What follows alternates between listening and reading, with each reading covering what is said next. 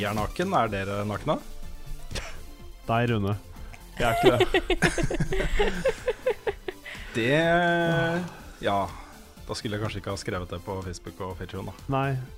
Nei, altså jeg, jeg er glad det ikke ble sofa, sånn sofapodkast i dag. Fordi at eh, det, det kunne sikkert vært hyggelig, men jeg føler kanskje ikke at vi er der ennå. Um, Kanskje ikke. ikke. Nei, kanskje Nei. ikke. Nei. Men uh, hjertelig velkommen til podkasten Level Backup uh, i alle fall. Nakne eller ikke. Kanskje alle som hører på er nakne. Det kan vi håpe på. Kanskje. Det kan ja. Mitt navn er Rune Fjell Olsen. Uh, Med meg har jeg som vanlig Lars Håkon Stormbacken. Hello. Og gjest denne gangen er selveste Frida Danmo. Yay. Veldig hyggelig at du kunne være med, Frida. Det er bare kjekt å være med. Ja. Eh, vi får rase litt gjennom. Jeg er sliten, det har vært en uh, tøff uke, dette her. Uh, prøve å fatte oss litt i kortet i dag, kanskje. Klarer vi det? Ja, vi kan jo prøve. Du Vi har hatt en lang dag. Vil du starte med å si litt om det? Ja, jeg kan snakke litt om det. Jeg har Ja. vært ko konferansier på e-sportdagen eh, på Telenor Expo. Mm. Og det er jo da et, et slags miniseminar arrangert av gamer.no i samarbeid med Telenor. Hvor eh, temaene har eh, vært ganske vidtrekkende innenfor eh, e-sport. Så det har jo vært folk fra eh, Lotteri- og stiftelsestilsynet for å snakke om kampfiksing, f.eks. Um, Ok. Eh, Det har vært noen fra Antidoping Norge for å snakke om eh, doping og, farene ved det. Og mm. hva, hva, som, hva slags eh, type tiltak som kan komme til å komme i e-sport også. Mm. Paneldebatter om fremtiden til eh, e-sport um, osv. Så, videre. så det har vært en lang og veldig veldig interessant dag. Det skjer Ja. mye Jeg synes det er i veldig norsk- bra norsk opplegg. e-sport. Ja, kjempeopplegg. Mm. Ja, det er mye spennende som, eh, som, som skjer, da. Jeg hørte at det ble en eh, Det kom nylig en endring fra Var det Valve som hadde bestemt det i forhold til CSGO?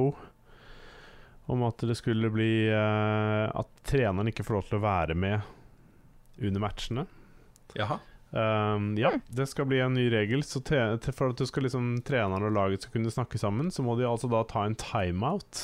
Sånn som de på en måte gjør i håndball eller fotball eller andre lignende sporter. da Så det har det blitt litt furore av. Hmm. Så mm.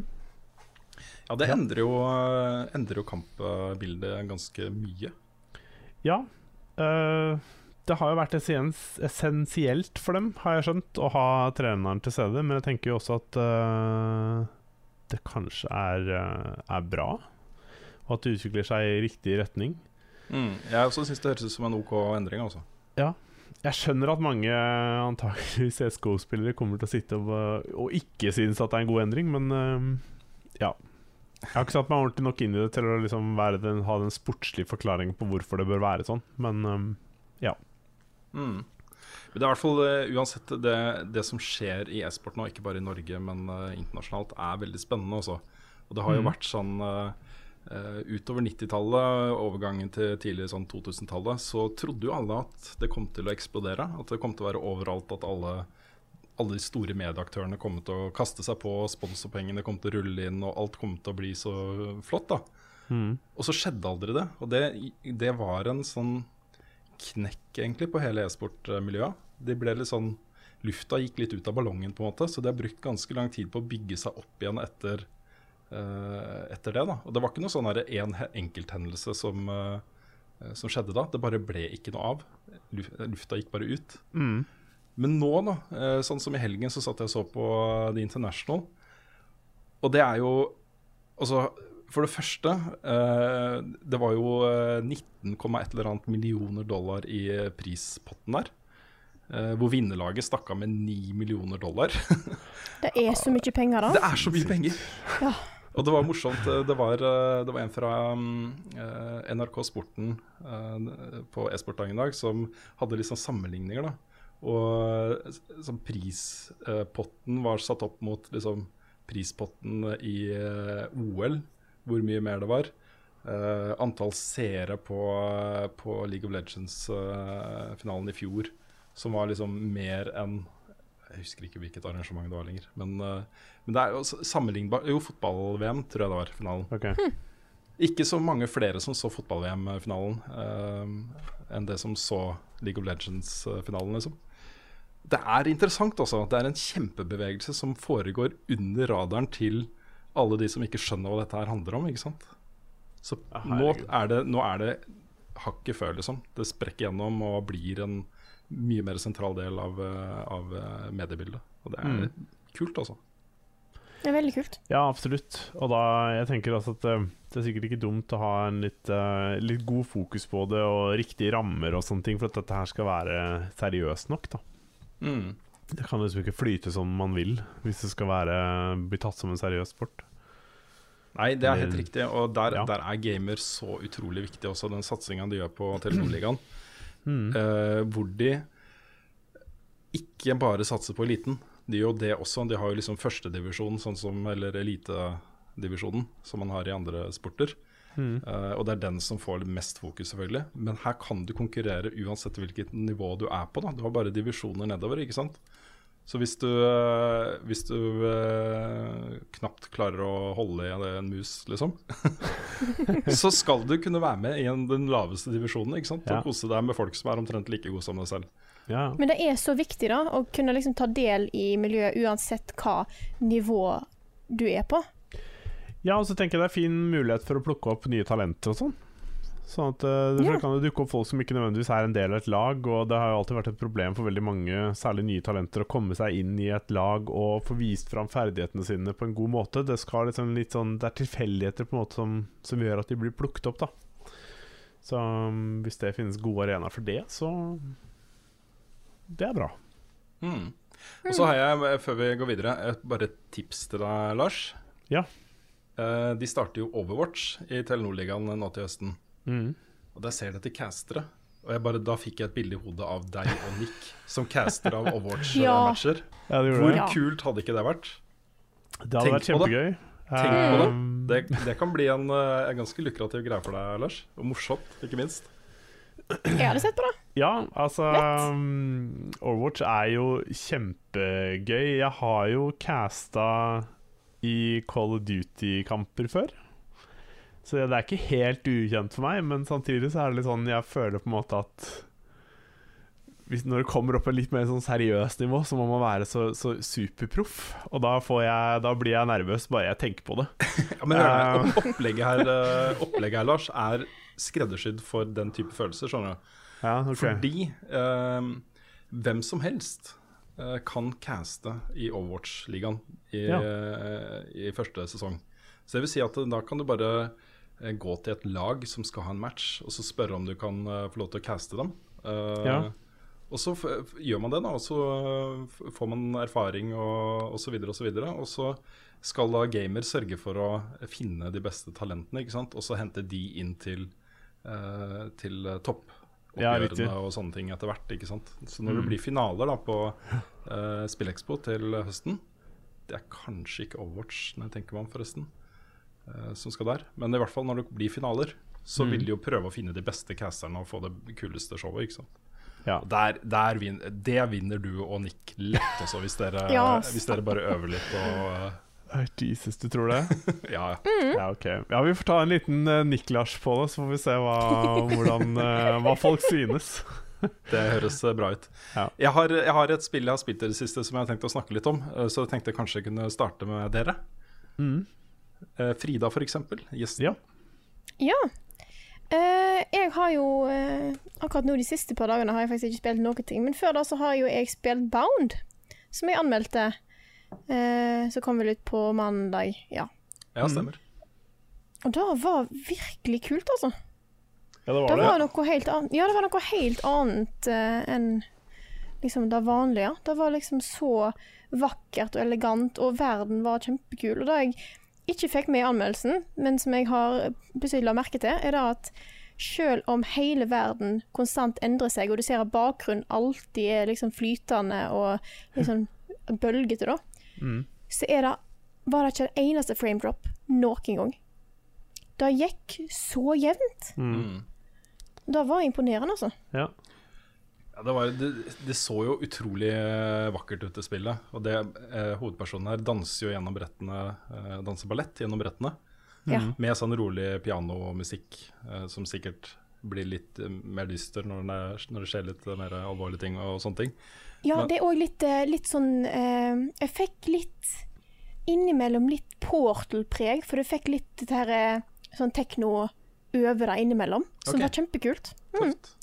Mm. Og så Nice. gjorde jeg en, eller gjorde en liten bommert da, på den anmeldelsen. Det er ingen som har reagert på det. Men det kom, jo, det kom jo med den koden som vi fikk tilsendt, så kom det, eh, kom det noen eh, Jeg vil vel ikke kalle det krav, men mer ønsker. Eh, om å holde okay. seg unna et visst aspekt av spillet. Helt liksom ikke vise noe fra det. Og det var alle scenene som foregår på stranden. Jeg, nå husker jeg at det var én scene i den anmeldelsen din som var på stranden. Ja. Så, så det var my bad. Men uh, jeg føler ikke at du avslørte hva som skjedde der, egentlig. Jeg ble bare nysgjerrig på det. ja. Men da sa du aldri til meg, da. Nei, jeg gjorde jo ikke det. Nei. Så, um, så det var ikke din feil, Frida. Nei, Nei men uh, jeg viste jo ikke noe spesielt mye derfra, da. Det gjør jeg jo ikke. Men uh, Så der er det Det var liksom helt i starten. Jeg har ikke tatt med noe som er liksom uh, fullstendig spoiler, liksom. Så det er, det er mye mer å Mye mer å se og oppleve. Ja, nei, for det ble jeg veldig, det ble jeg veldig overraska over også. Jeg hadde ikke, um, jeg hadde ikke sett noe av det som ligger bak før. Nei, ikke jeg heller. Så, og så syns jeg du var innmari flink til å på en måte hinte om de tingene som ligger bak, men ikke forklare det. Det var liksom, det syns jeg var veldig bra. Altså. Det ble jeg ekstra nysgjerrig på spillet. Takk. Nei, fordi at uh, det er en veldig uh, kul setting, uh, og så vil jeg egentlig ikke Fordi at det er så på en måte en litt enkel story, så vil jeg ikke si noe ting om den. Fordi at Høres jeg vil eh, at folk ut. jeg ville at folk skulle oppleve det sjøl. Mm. men det er da at du ser at i alle trailere og sånne ting, så har de kun vist fra ballettdanseren. Uh, og ingenting annet. Så Det betyr at det Det er andre litt, ting eh, der. Nei, men altså, det er sant, strandscenen og dette her, sant. Uh, og jeg har jo, jeg har jo så Men det er da at de, de viste så lite på forhånd at jeg ble litt sånn overraska og ja, òg veldig nysgjerrig når jeg satte meg ned med spillet. Fordi det var så mye mer bak det enn de har Enn jeg trodde var der, da. Spennende, spennende. Mm. Uh, har- har du spilt noe annet, eller skal vi hoppe videre til uh, Lars? Har ikke spilt så mye annet, egentlig, så det er bare til å hoppe videre. Ok, Ja, um, jeg har Jeg holdt på å si jeg har glemt om jeg har spilt noe denne uka. her Jeg føler ikke at jeg har fått spilt så, så veldig mye. Annet enn at vi spilte litt Red Dead Redemption i går. Men um, jeg har spilt litt uh, mobilspill, det har jeg. Så jeg har spilt særlig et spill som heter uh, Rains. Det ser så Det er, fett ut. Og jeg har, jeg har eh, kikka på det før. Det var et spill som jeg vurderte å få anmeldt, eller få noen til å anmelde eh, uansett. Så det var eh, kult at du tok tak i det. Hva spill var dette, sa du? Det er et spill som heter Rains. Eh, det er et, eh, et slags kortspill. Det finnes både til mobiltelefoner, eller um, hva skal man kalle det, iOS og Android, um, og til Steam, så du kan spille på PC og Mac og sånn. Um, det er rett og slett et, um, slags kortspill. Du får, uh, du får en god del sånne eh, valg. Du skal være konge. Og så skal du uh, Altså, du har fire ting du skal balansere, som er liksom kirke, folka dine, hvor mye penger du har, og hvordan armeen din er. Og hvis du gjør det for bra eller for dårlig i noen av de, så, så dør du. Rett og slett så er det sånn her Hvis du blir for rik, så da dør du. Um, for da skjer det et Da blir folk crazy, og så dreper de deg sikkert. Eller jeg husker ikke akkurat hva som skjer. Eller du blir sendt til, eh, til Ja, et eller annet sted. Um, og så det, har altså okay, Nå har jeg jo lagd en liten eh, En slags ny spalte. Jeg skal gjøre om et par ting på den. um, som, som jeg tenkte jeg skulle gjøre sånn ukentlig. Og prøve å lage en liten sånn anbefaling om et spill. Det er ikke en anmeldelse, men mer en anbefaling. Um, og Rains er da det første spillet jeg tok uh, tak i. Så um, Fordi det er, det er dødsbra, og det er gjenspillbart, så det holder. Det har uh, noen overraskende hemmeligheter og diverse, uten å spoile for mye. Jeg kan trygt anbefale det spillet. Det var litt morsomt. Jeg så det var noen som kalte det for eh, Nå husker jeg ikke hvilket, hvilken spillsjanger eller spillserie de brukte, men la oss kalle det liksom eh, Tinder-versjonen av Civilization eller noe sånt. For det er Ja, fordi- spillmekanikken er det du swiper left, eh, venstre eller høyre, ikke sant? Ja. Eh, Ja. Altså, alle valgene. Jeg satt, det var faktisk en av de tingene jeg satt og tenkte på når jeg laga det. Jeg, den, jeg, jeg nevner akkurat det der i utgangspunktet, men jeg tok det vekk fra videoen min. Fordi at det ble, jeg syns det ble litt sånn rart. Uh, men det, er, det føles ut som du sitter og spiller Tinder, for det er liksom sveip høyre, så er det bra. Sveip venstre, så går det, er det ikke så bra, liksom. Uh, det er gjerne sånn, da. Uh, og så får du liksom mange rare karakterer som kommer opp, og du møter og kan si ja og nei til dem og sånn. Det er veldig, veldig Det er utrolig morsomt og bra til å være et så Hva skal jeg si enkelt i gåseøynene spill, da. Det er på en Mm. måte ikke Men det har god dybde og en story som er eh, interessant og morsom. Og utrolig vittig eh, skrevet, rett og slett. Så Jeg, jeg syns eh, det spillet er interessant av en annen grunn også, og det er at det er eh, Devolver Digital som gir ut det spillet her. mm, Og det er jo et indie, et indie publishing-hus. mm, Eh, og de er De driver og håndplukker prosjekter da, som de har lyst til å gi ut. Og de har liksom Alle de spillene de har i stallen sin, har et eller annet ved seg som er ganske kult. mm. Uh, og det at de nå har plukka opp da et mobilspill, um, det er et litt sånn tegn i tiden. Uh, det betyr noe. Jeg syns det er spennende. Ja, det er det. Og det er jo eh, Det er jo en ekstremt viktig plattform, egentlig. Fordi det er jo en plattform som alle har, i, Mm. i utgangspunktet. Eller um, Det er liksom Den er i hvert fall uh, Jeg tenker bare på engelsk når jeg sier sånne ting. Hva skal man si på norsk? Altså, den er uh, uh, widely Den er utover, utover det ganske land, da. Um, ja. Jeg klarer ikke å si det på norsk når jeg sitter og tenker engelsk. Så det blir bare Mange som har den. Ja, det er mange, som har den. Ja. Um, så um, Så jeg tenker at uh, mobilspill Så mye som de utvikla seg allerede, det vil jo bare gå én vei og bli bedre og bedre, liksom. Mm. Så det Uten er kult med sånne spill. Moro. Mm. Jo, en ting til. Oi, det har jeg Ja. nesten glemt. Vi har jo spilt Titanfall 2 beta Ja, i dag. selvfølgelig har du det. Ja. Um, eller sånn tech-test, kaller de det. De kaller det ikke en beta. Jeg vet ikke Mm. hvorfor. Men um, um, Så det har jeg sittet og spilt nå uh, de siste, siste par timene. Og inntrykket mitt så langt er at uh, de har virkelig gjort forbedringer fra um, Titanfall 1. Det ser utrolig bra ut på, på PS4. Det, er, det flyter kjempegodt, og det er det er så de har, Det er så god våpenfølelse og eh, god mekanikk da i, de, eh, i selve liksom, det, det tekniske eh, delen av spillet. Så um, Og for de som har spilt liksom COD, så vil de kjenne seg lett igjen i ting når de går over til Titanfall. Um, Ja, Ja. Dette er jo det originale skaperne av COD, så eh, de, Ja. de, kan, de kan jo De kan jo skytespillsjangeren ganske godt.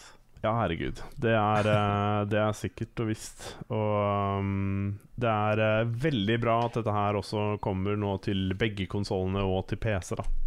Mm. Selv om den tech-testen kun er på um, Er på konsoller.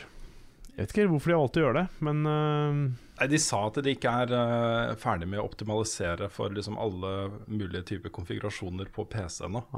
Så, så det de sa, var at de svarene de hadde fått Fordi grunnen til at de lager disse tech-testene og betaen og alfaen og sånne ting, det er jo for å få svar.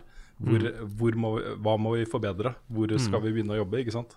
Mm. Uh, og de følte at, eh, at eh, når de ikke var ferdig med den koden, som da skal optimalisere spillet for forskjellige skjermkort og eh, prosessorer og alt mulig rart liksom, på PC, så Mm. ville de svarene de hadde fått, ikke vært verdt noe. Så det å bruke tid da på å lage en, en eh, fungerende eh, test til PC, eh, det mente de at de ikke de trengte å gjøre. Mm.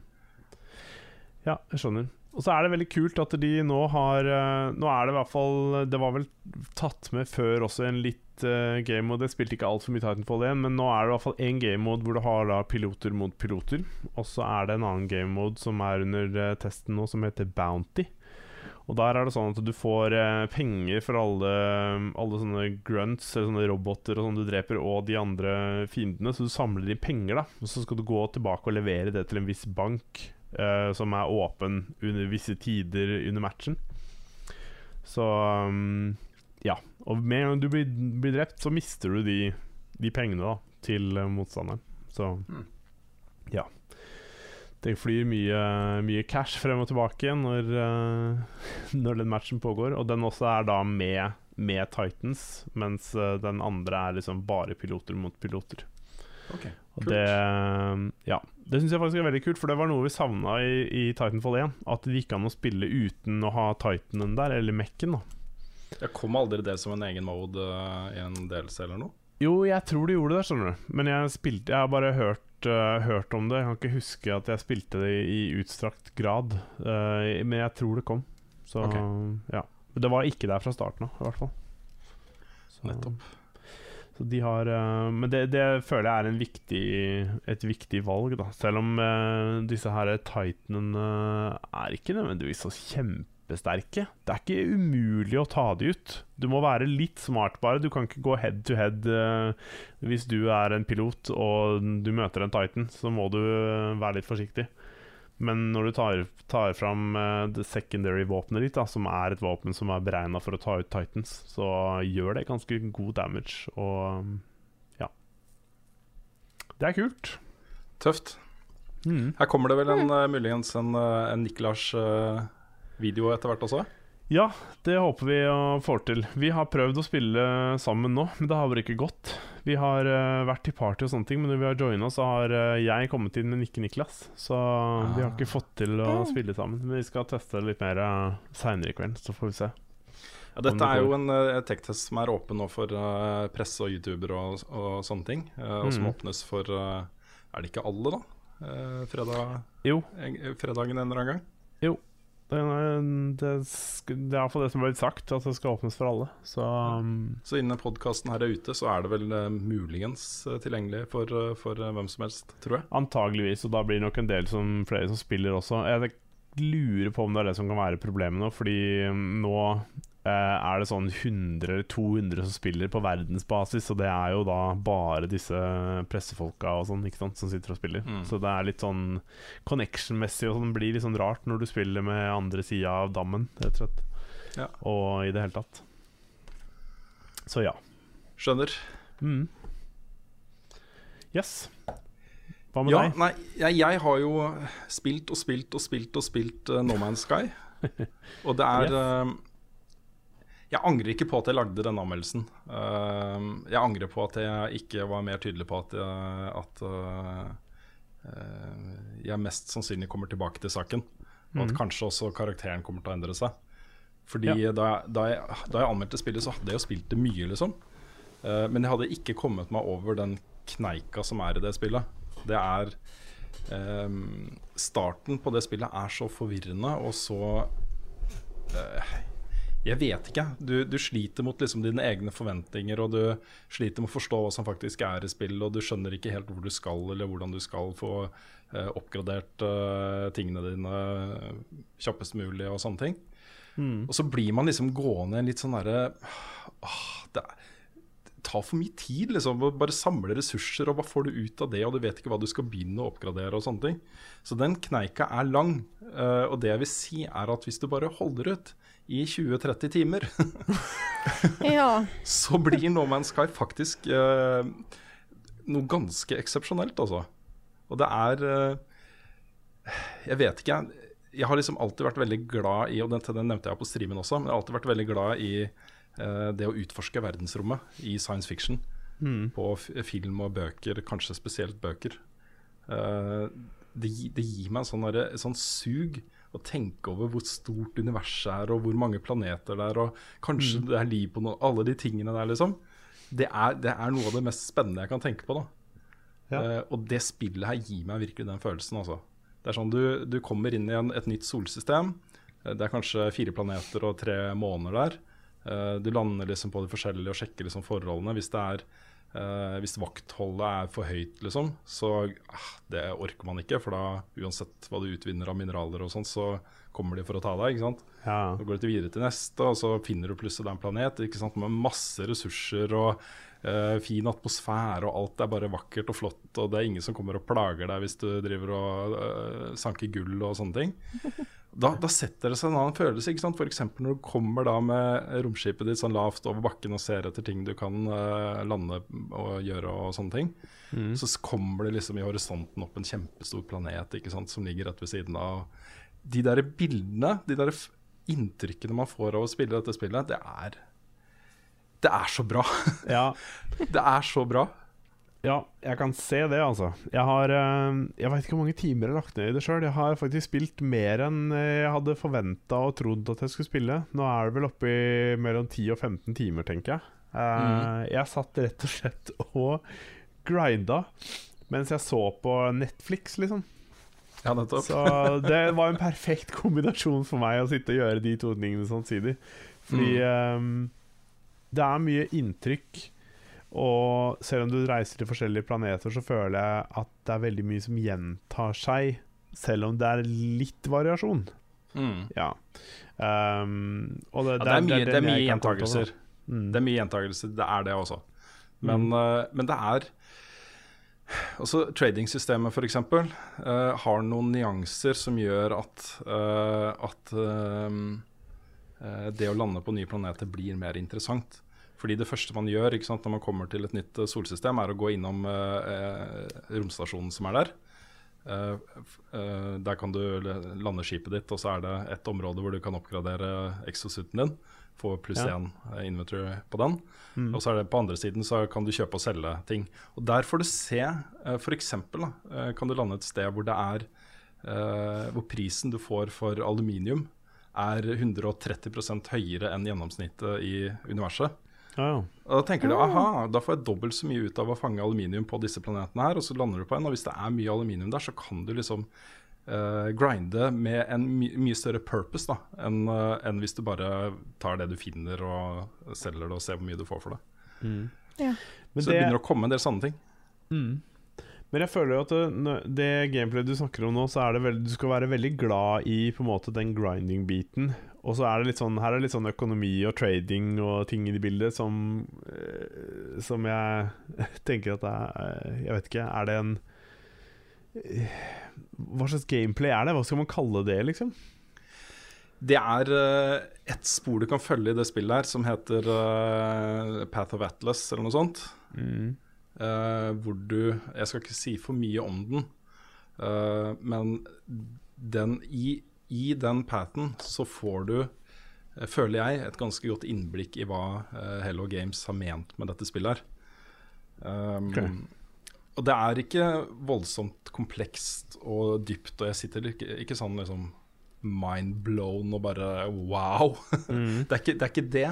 Men jeg føler at størrelsen på dette universet og måten den er bygd opp, har noe å si for hva de prøver å formidle. Um, det, det har en sammenheng, altså en konkret sammenheng, som jeg syns er uh, Som gir meg noe, da. Som, som uh, gjør spillet bedre for meg. Ja. Og det er også en path som du kan følge som eh, kommer til en konklusjon som ikke er sånn Jeg vil ikke si at den er uh, kjempebra, men det er i hvert fall én konklusjon. Du Mm. kan fortsette å spille etter den, men da eh, vil nok noen føle seg ferdig med spillet, tror jeg. For det ligger mye grind for å komme deg dit. Eh, det går mye, mye kjappere på slutten. Jeg kan komme med ett tips til folk som vurderer å spille, eller som spiller og ikke helt kommer seg videre. Ja. Og det er å bruke mye tid i starten på å finne et bra romskip. Uh, hver gang du uh, Det du kan gjøre, du kan gå til sånne uh, beacons i, på en planet, sånne røde lysstråler. Og så kan du søke etter, eh, etter transmission. Uh, og så vil du kunne få opp da, Det er mange alternativer du kan få opp, men et av alternativene er trans Transmission Tower. Og når du går dit, så kan du løse en puzzle, og da gir den deg lokasjonen til et uh, krasjlanda skip. Uh, da kan Ah, du dra til det skipet, og så kan du se eh, hva den har i inventaret og sånne ting, og kanskje den gir deg pluss én eh, inventory slot på skipet. Mm. Men de har også warp drives og forskjellige typer uh, drives som gjør at du kan fly lenger og lenger uh, inn i universet. da Akkurat. Og Hvis du får tak i et sånt skip med en god warp drive og en god uh, Jeg husker ikke hva det andre heter, men det er eh, to forskjellige ting du trenger for å reise liksom veldig mange lysår eh, av gårde. Så kommer du deg mye kjappere framover. Da kommer du til disse Atlas-installasjonene og sånt mye, mye kjappere. Ok. Ja, fordi Det jeg har forstått, er at du har mulighet til å følge dette her eh, noe story-greier i starten. Eh, når du starter spillet, så har du mulighet til å følge noe som spillet gir deg. Det var noe jeg aldri catcha, og jeg forsto at hvis man ikke gjorde det, så ender man opp på en, liten, på en vei som er mye tyngre å gå, da. Ja, det er ikke helt Eh, riktig. Når du, når du går på Star-mappet, så vil du Ja. kunne få opp alle de forskjellige pathene du har. Jeg tror det er tre eller fire, fire forskjellige paths. Ok, fordi Det der har jeg ikke skjønt noen ting av, eller sett noen ting av. Og jeg har aldri sett at spillet har leda meg noe som helst vei, så jeg føler at jeg bare flyr rundt i ingenmannsland og ikke har peiling på hva jeg skal, liksom. Så um, jeg får prøve noe av det du sa nå, altså. Jeg, jeg ville anbefale deg å gå øh, den Atlas-pathen. Mm. Når du kommer opp i Star-mappet, så kan du velge med LN og RN, Mm. øh, de forskjellige pathene. Og da vil du liksom gå fra solsystem til solsystem, og til slutt så vil du få beskjed eh, om at det her er det en Atlas-installasjon. Okay. Start med det, altså. Da, Det, det er øh, øh, noen kule øyeblikk. Ja. da får jeg kaste meg ut i det. ja. Nei, det er et Altså- veldig bra spill, dette her, altså. For Mm. meg. Ja, for tingen er at jeg har jo tenkt på å spille det. Jeg hadde jo kjempelyst til å begynne med dette, her, men jeg skulle jo spille på PC. Mhm. Eh, og så plutselig så var det en litt rar PC-release med at ting ikke fungerte, og at det var dårlig optimalisert, mye frame drops, og at det krasja mye. Så jeg har liksom Jeg klarte aldri å bestemme meg om jeg skulle ha det på PlayStation eller på PC, så jeg har ikke fått kommet i gang. Noe som egentlig er litt synd, for dette virker som veldig mitt type spill. For jeg er en person som ofte elsker grinding. Mhm. Ja, da er, bare- du, da er du heaven, altså. For å Ja, si da er det du Da du, liksom- da er det 18 kvantillioner planeter å grinde på. ja, altså. Men problemet mitt også er da hvis jeg, nå skal jeg hører at jeg må komme over den kneika på 20-30 timer, så er det sånn Ja, OK. Da, Mm. da har vi ikke tid. Men uh, ja. Altså, Mitt lille problem med dette spillet Nå har jeg blitt ganske sånn hekta på det. At jeg, jeg tenker på det når jeg ikke spiller det og sånt. Men det har vært litt fordi jeg har følt at jeg måtte spille det mye for å komme meg fort gjennom. Ikke fort gjennom, men også komme så langt som mulig, da. Eh, og jeg vil aller helst uh, komme til uh, universets sentrum, som jo er det som har vært kjent som liksom målet i spillet. Det er å komme deg nærmere og nærmere sentrum. Eh, når jeg ser på trophy-lista på PlayStation 4, så er det 0,1% som har klart det til nå. da ja. Så det tar, det tar tid uh, å komme seg dit. Men den beste måten å spille No Man's Sky på, tror jeg, det er å bare ta litt nå og da. Altså ta en planet og gjør et eller annet, og når du føler OK, nå har jeg fått gjort noe, uh, Ja. slå det av, og så spiller du mer. Kan du Ja. bruke et år på det, ikke sant? ja, herregud, Ja, det er ikke- noe vits å stresse gjennom det. At du får liksom Du nyter det ordentlig, da. Og Mm. tar det litt og litt, ikke alltid et uh, skippertak. Nei, det er vanskelig å ta alt i ett skippertak. men eh, men det, jeg har hatt noen spilløkter nå som har gått litt utover eh, nattesøvn og, og uh, generell uh, well-being Uh, for, for min del. Ja. Så du lukter ikke vondt og sånn nå, eller? Det er ikke gått så langt? Jeg har dusja Ja. en par dager denne uka her og Ja, det bra. spist litt og, og sånt. Men, men jeg er veldig dypt inne i dette spillet. Og det, det er sånn jeg, jeg, jeg må jeg må komme meg ut av det snart, så jeg, får se hvor, eh, hvor lang tid det tar å komme meg til, til uh, galaksens sentrum. Ja. Men eh, jeg skal komme meg dit. Ja, herregud, jeg er spent på hva som er der, uh, rett og slett. Så, Jeg tror ikke det er så mye. Jeg tror, ikke, jeg tror ikke det er noen epiphany eller noen sånn åpenbaring som kommer der. Det vil mer være tilfredsstillelsen av å ha kommet dit, tror jeg, som, Mm. eh, som vil bety noe for meg, meg personlig. Så du vil ikke få svar på meninger med livet og sånne ting, eller? Nei, det Kanskje Sean kommer Murray står der og bare slow-clapper. Um, jeg vet ikke. Ja, men Det er jo litt interessant, fordi vi har jo snakka tidligere podkaster om eh, VR og AR og, uh, og sånne ting. Og Mm. uh, en av de tingene som jeg har nevnt et par ganger, er jo at eh, det er jo en teori om at, eh, at eh, eh, det universet vi lever i, er en simulasjon. Mm. Og det er en teori som jeg føler uh, Hello Games også har sett. Um, dette, dette med matematikken i dette her, og dette med algoritmene At OK, det, dette universet er uh, Er du alene i, på en måte. Det er ikke et multiplayerspill. Men det er en delt galakse. Eh, nei, jeg blander hele tiden i si galakse, mener univers. Det er et delt univers. Du er liksom Alle planetene i dette spillet er på akkurat samme sted i alle versjonene av dette spillet som folk sitter og spiller. Og det er fordi algor algoritmen er av en sånn art at uh, den genereres likt da, hele tiden. Den genererer hele dette universet helt likt på alle maskiner. Og det, er- det er Jeg syns det er interessant, altså. Jeg syns det er en, en kul greie. Ja, men jeg er enig.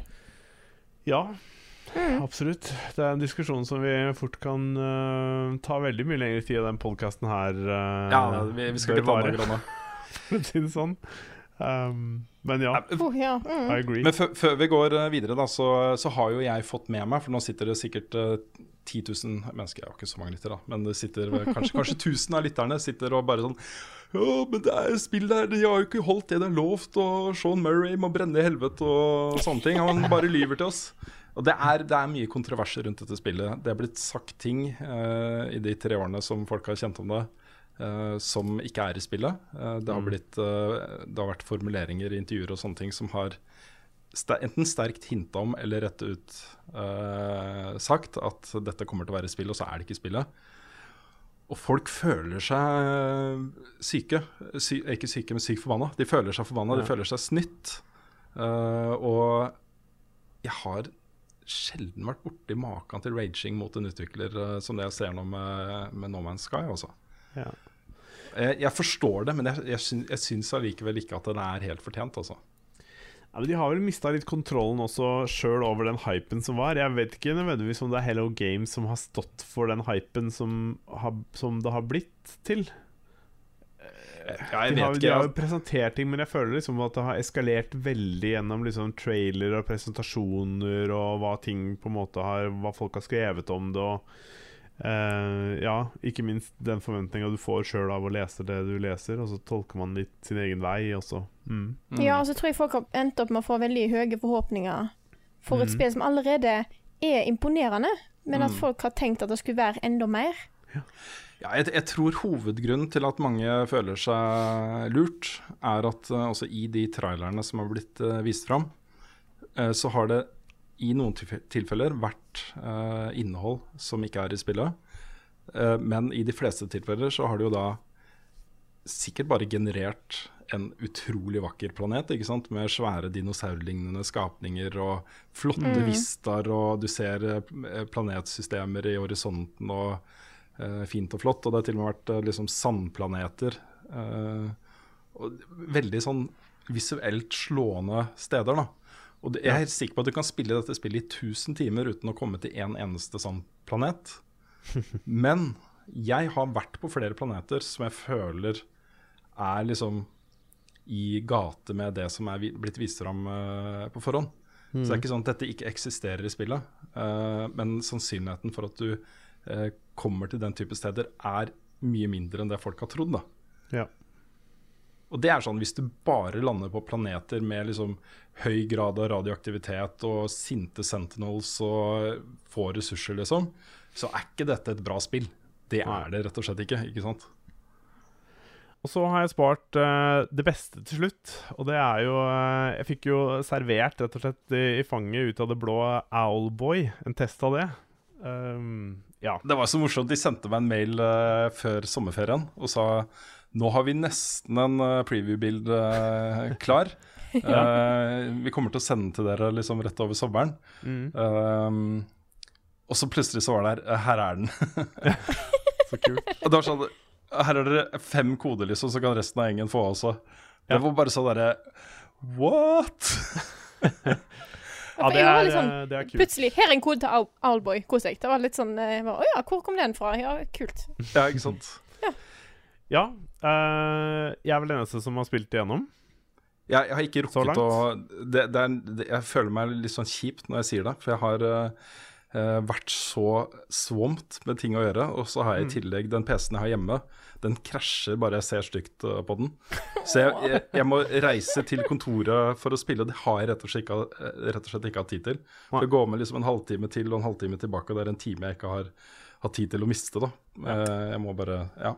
Ja, jeg føler meg skikkelig, skikkelig bad for å ikke ha spilt den, men her òg har det vært så mye ting. Men Lars, fortell! Lars, Altså, dette er jo et spill som ble annonsert for fuckings ti år siden, eller noe sånt. Å herregud, er det så lenge siden? Og de har jobba med det og jobba med det. Det har vært sånn derre store indie, norske indie-håpet, ikke sant. uh, I ti år. Nå kommer det på Pax eh, West, blir vel det, tror jeg. Eh, I Ja. slutten av måneden så skal de eh, annonsere releasedatoen for det. Det er Ja. ferdig! det kommer nå. Hva syns Ja. du, Lars? Altså, eh, jeg har jo ikke visst så mye om dette spillet her fra før av, så jeg har jo ikke vært med på noen hype eller visst om at dette har vært produsert i ti år i det hele tatt. Um, så jeg Jeg har hørt du nevne det før og sånn, og aldri tenkt noe mye over det, sett noen trailere i det hele tatt. Så satte jeg meg ned og prøvde det. Og vet du hva? Altså, det, det er ikke noe vits i å holde noe tilbake. Jeg ble helt lamslått av det spillet der. Uh, hvor utrolig riktig det føles ut. Det er altså Karakterene som er der, føles um, Er lette å kjenne seg igjen i. De føles ekte. Uh, ikke påtvunget eller noe som helst. Um, og ikke minst utrolig morsomme. I hvert fall noen av de. Og der er et par sånne easter egg med liksom navn og diverse ting der som jeg syns var utrolig morsomt. Jeg fanga det ikke opp før jeg var ferdig med spillet, men um, ja. Vi får se om dere gjør det. Um, I tillegg så elsker jeg hvordan det ser ut. Uh, jeg, jeg elsket gameplayet. Uh, I starten så virka det kanskje litt tregt, men når jeg kom i gang, så hadde jeg, det, hadde, hadde jeg helt glemt det. Og det føltes liksom, da føltes det riktig allikevel, at det har tatt litt tid å komme ordentlig i gang.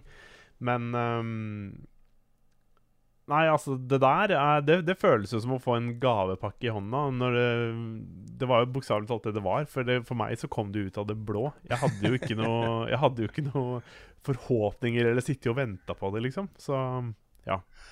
Du har lagd en, en Lespliade også, som ligger ute på YouTube-kanalen vår. Mm Mhm. Som anbefales å ta en titt på. Jeg tror dette er en demo som kommer til å bli eh, sluppet eh, Ja. til eh, folk vanlig en eller annen gang i høst. Ja. Før lansering eller ved lansering. Eh, for det, det er jo en, en begrensa opplevelse, det er jo ikke hele spillet. Nei. Eh, det slutta uh, Altså, det var en slags introsekvens, uh, på en måte, følte jeg. Og så var det, uten å spoilere, én bossfight. Og så, og så skjer det noe greier, og så var det liksom over. Eh, og da skjønte Mm. jeg på en måte at OK, her kommer det mer, liksom. Det, ja. Det er jo morsomt, dette her. Altså, mitt eh, jeg, jeg begynte jo å lage video og VGTV før det, men hva skal man si, min overgang eh, fra å være en skrivende journalist til å bli en videoprodusent, Mm. eh, det var jo da Endre Vellene var eh, på praksisplass hos oss eh, før vi starta Level Up. Mm. Og da reiste vi rundt i Norge, og faktisk også en tur til London, for å intervjue og lage eh, sånn minidokumentarer om norske indieutviklere. Og de første vi var hos, det var Dpad. Da Ja. reiste, reiste vi til Askøy, og så var vi der en hel dag. Og eh, intervjua dem og så på spillene deres og snakka om Alboy og andre eh, Vikings on trampolines og, og sånt. Og hele den opplevelsen av å møte de to gutta der og være sammen med de og forstå hvordan de tenker og, og sånt, det er en av de morsomste dagene jeg har hatt på jobb noen gang. Og jeg er veldig stolt av liksom det sluttproduktet også. Det ble veldig bra. da. Det ble liksom Indie Game The Movie eh, Norge, på en måte. ja, det er kult. Eh, de symboliserer indie så utrolig bra. De satt hjemme hos foreldrene til Joremi eh, og jobba. Og eh, Simon hadde liksom en hybel i huset til foreldrene til Joremi. Og der satt de og liksom jobba med Alboy, jobba med Alba, jobba med Alba og var indie, liksom. Ja. Ja. Og det er to veldig bra fyrer som, eh, som, som jeg liker veldig godt. Og det betyr at jeg kanskje mest sannsynlig ikke bør anmelde dette spillet selv. Eh, jeg har hatt så mye kontakt med de opp gjennom årene at, eh, at eh, Jeg vet ikke. Men Nei. Men jeg gleder meg så vanvittig til å spille det spillet. Og det, Grunnen til at vi var der først, var jo også at jeg hadde jo sett masse om Alboy fra før, og innså plutselig at de var norske. Altså De hadde jo vært en sånn snakkis i internasjonale indie-miljøer eh, en god stund. Mm. Og så så jeg plutselig som Vent, Joremi det er et veldig norskklingende navn. Holy shit, de er norske. så, så det var jo grunnen til at vi dro dit eh, først også. Mm. Så Men nå Ja, vet jeg hva jeg skal gjøre eh, i kveld. Da skal jeg spille Allboy. Ja, vet du hva, det er bare å kose seg. Um, og ja, ta den tiden det trenger å liksom uh, få med seg story og i det hele tatt. Det var skikkelig kos, altså. mm. Det Det er en av de, en av de tingene som, eh, som Simon eh, sa på, da vi var der. Hvor mange år siden er det? Er fem år siden? Jeg husker ikke. Når var det vi starta Level Up igjen? Det gikk ni sesonger og Ja, fem år siden. Over Fem ja. Det er over fem og et halvt år siden nesten, Ja. var vi hos dem. Og da hadde de allerede jobba med det spillet i snart fem år. Det var fire år eller noe sånt. de med det spillet, ikke sant? Og de var sånn der, Den derre frustrasjonen over å liksom aldri bli ferdig med dette spillet, og aldri føle seg ferdig med det. Og, og Simon satt og snakka om at han var perfeksjonist, da. Og at Ja. liksom det, det blir aldri helt ferdig, og blir aldri helt ferdig, og blir aldri så bra som jeg har lyst til at det skal bli, og sånt. Og da sa han på et eller annet tidspunkt så må vi liksom bare slippe fra oss dette spillet her og lansere det, få det ut. Eh, uansett hva vi føler, da. mm. Og så tar det fem år til før det er det. Før det er det. det jeg, Men da kan jeg, jeg tenke meg, Nå er det enda verre, sant? for nå har de jobba med det i ti år. Ja. Nå har de liksom, Det har blitt et sånn hjertebarn. sant? Det er umulig å bare det, det må være skikkelig tungt å slippe det ut på markedet og liksom si at ja, nå er vi ferdig. Jeg tror ikke det er et hjertebarn lenger. Jeg tror det er en pest, pest og en plage som de ikke kan få Som de bare gleder seg til å bare få ut, så de kan begynne å fokusere på andre ting. Det er blitt, Ja. Jeg tror det er blitt litt sånn besettelse for dem også. Ja, At nå, nå må de liksom bli ferdig. Ja. Ja. Men, men en, en, en viktig ting de har, da, det er jo, øh, øh, det er jo grafikken. Øh, det er pikselgrafikk, ikke sant. Og Simon er jo kjent for å være en av verdens beste pikselkunstnere. Den er jo tidløs. Altså, det er ikke sånn at det ser ti år gammelt ut. Det ser jo Nei. 30 år gammelt ut. Det, er, det kunne jo kommet ut på Super Nintendo, på en måte. Uh, Ja, og dermed så blir det tidløst, ikke sant. Ja, for jeg tenker på det, hvis det er Hvis du hadde valgt en annen grafikkstil og begynt på det for ti år siden, så hadde de hatt problem. Ja. Mm. Da hadde de måttet liksom måttet gjort så mange ting på nytt igjen for at det skulle holde seg oppdatert tidsmessig. At det hadde blitt håpløst. Ja. Så det er jo en fantastisk eh, Det var et lurt valg av de, da, rett og slett. Mm. Ja, det er morsomt, det med- så riktig. Jeg møtte jo Endre på e-sportdagen i dag. Han var der bare for å se på, han var nysgjerrig. Mm. Uh, det var morsomt, da satt vi og mimra tilbake til gamle dager og sånt, og vi snakka med Alboy. Uh, og da nevnte han også at eh, vi var jo hos Rock Pocket også, og de jobba med et spill som het Oliver and Spike, som var sånn Ratchet and Clank-inspirert plattform eh, action adventure-spill. Mm. Som de nå vel har kansellert. Han mente i hvert fall det var kansellert. Jeg mener å huske et sted bakhodet, jeg også, at det er kansellert. Ja. Uh, og det var jo et av de andre selskapene vi var og besøkte, ikke sant. Uh, og det, det å følge liksom Det å følge de selskapene vi var hos i ettertid, har vært ganske kult, altså. Mm. Det har vært eh, ganske morsomt. Det var også, det var også Erlend Grefsrud, som vi var hos i London, som jo, jo har blitt en Hva skal man si? En slags uh, I hvert fall notorisk person eh, internasjonalt. Han har lagd kule ting og har eh, veldig sterke meninger om alt mulig rart. Uh, og har blitt ganske ganske flink, altså. Som jobber nå med et, et spill som l- seg av det selskapet som sitter på kontoret sammen med oss. Uh, Bifrost Entertainment de lager eh, et uh, spill som heter Iconoclast, som ser kjempe, kjempebra ut. Mm. Men det var hyggelig å se Endre igjen. Det var kjempekoselig. Ja. Det er ikke så ofte jeg møter han lenger. Nei, ikke sant. Alltid koselig å møte gamle kjente. Det er det. Mm. Mm. Ja, men altså, hvis, uh, hvis resten av spillet lever opp til det, den lille timen jeg opplevde i, uh, i Alboy, så herregud, altså. Da treffer de treffer noe riktig her. Det er helt uh, jeg, jeg tenkte ikke så mye over det med en gang jeg spilte det. Jeg bare syntes det var helt fantastisk. Men jo mer jeg tenkte over det nå, så er det bare sånn det føles helt riktig hele veien. Det er, det er så bra, altså. Kult, kult. Da, da blir det vel en lanseringsdato i høst, så da eh, Det er jeg veldig spent på.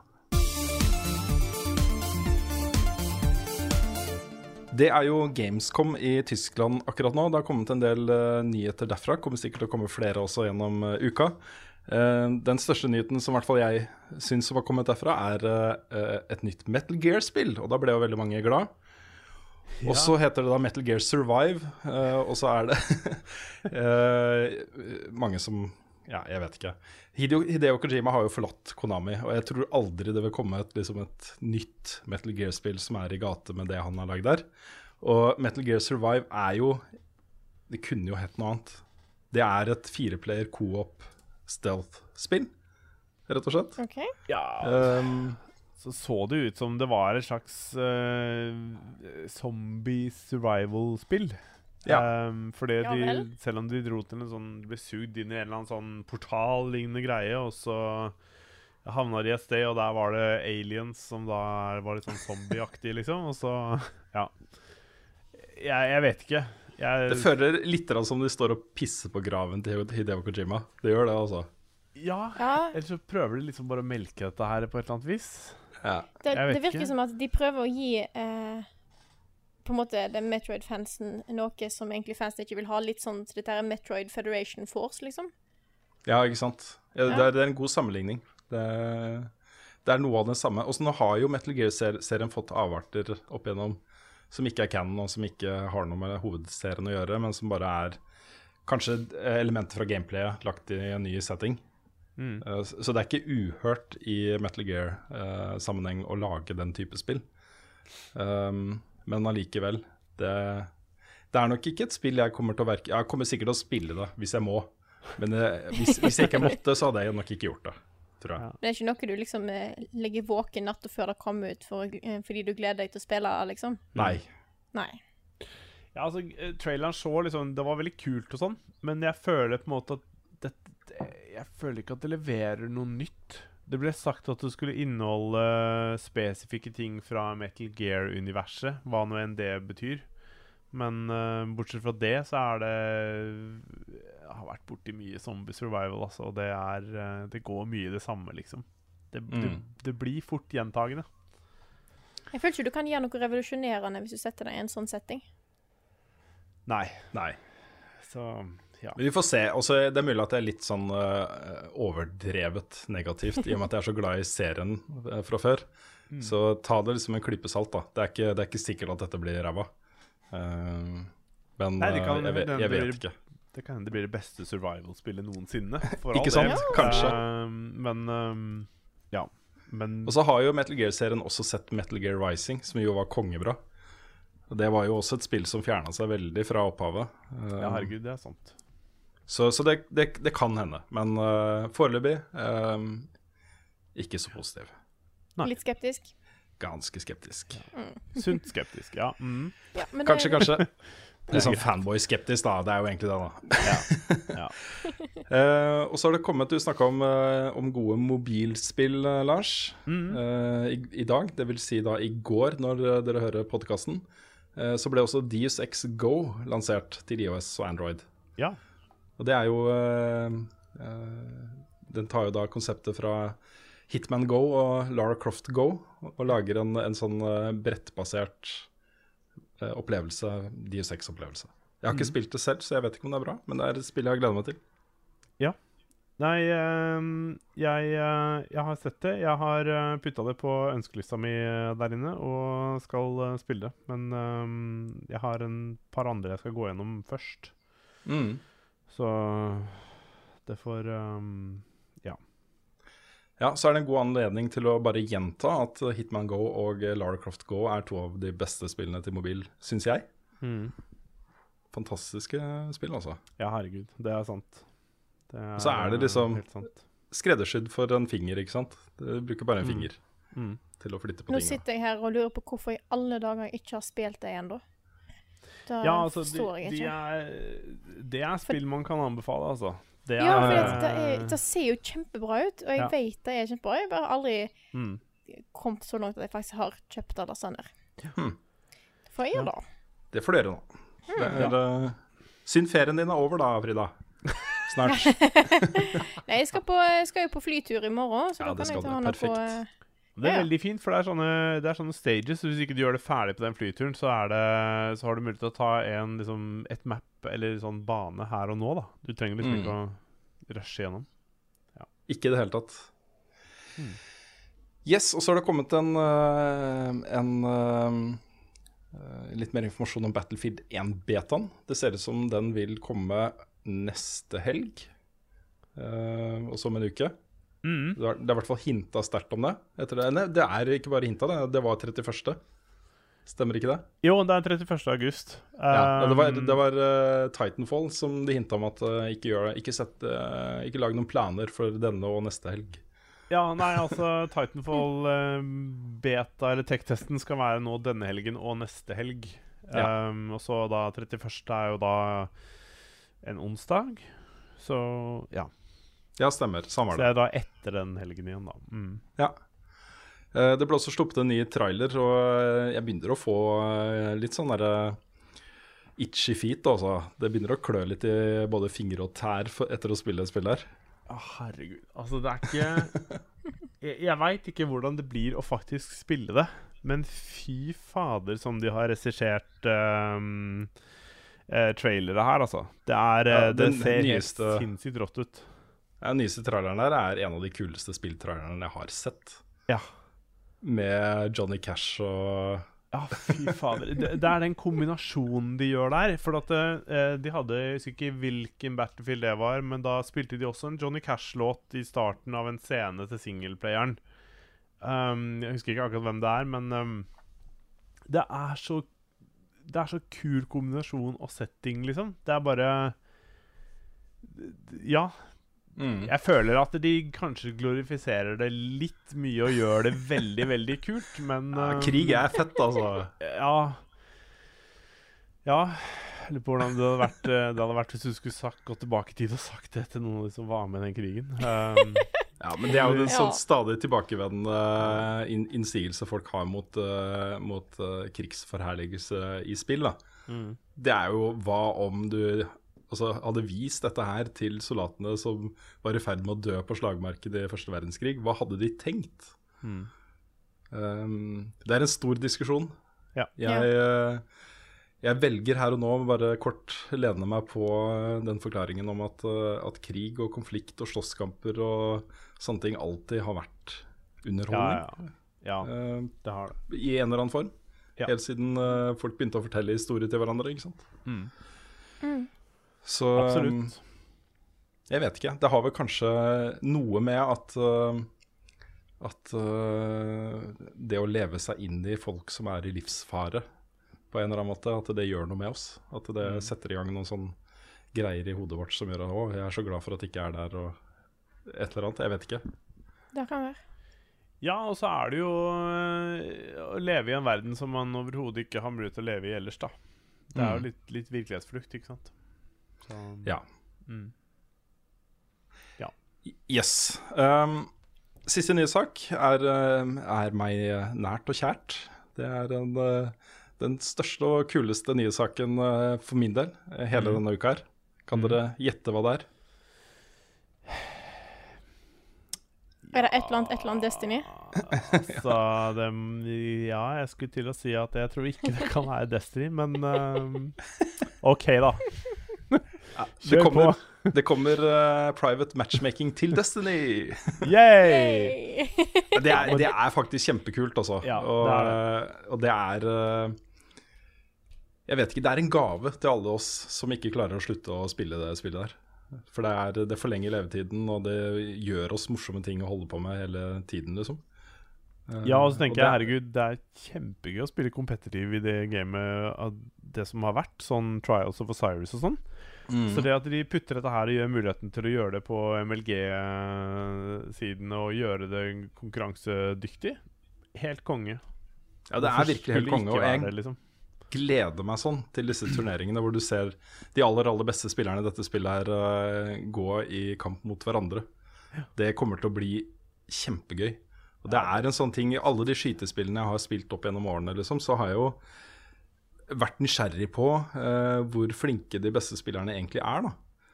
Eh, og det finnes jo massevis av videoer fra de beste spillerne i Destiny ute, men det er ofte mot bare vanlige folk, liksom. En vanlig trials-match og, og, og, sånne ting. Du får liksom ikke den det, Og det betyr ikke noe. Det er ikke noe sånn, det står ikke så mye på spill, og det er ikke en turnering ikke sant, med en pengepremie eller noen ting. Ja.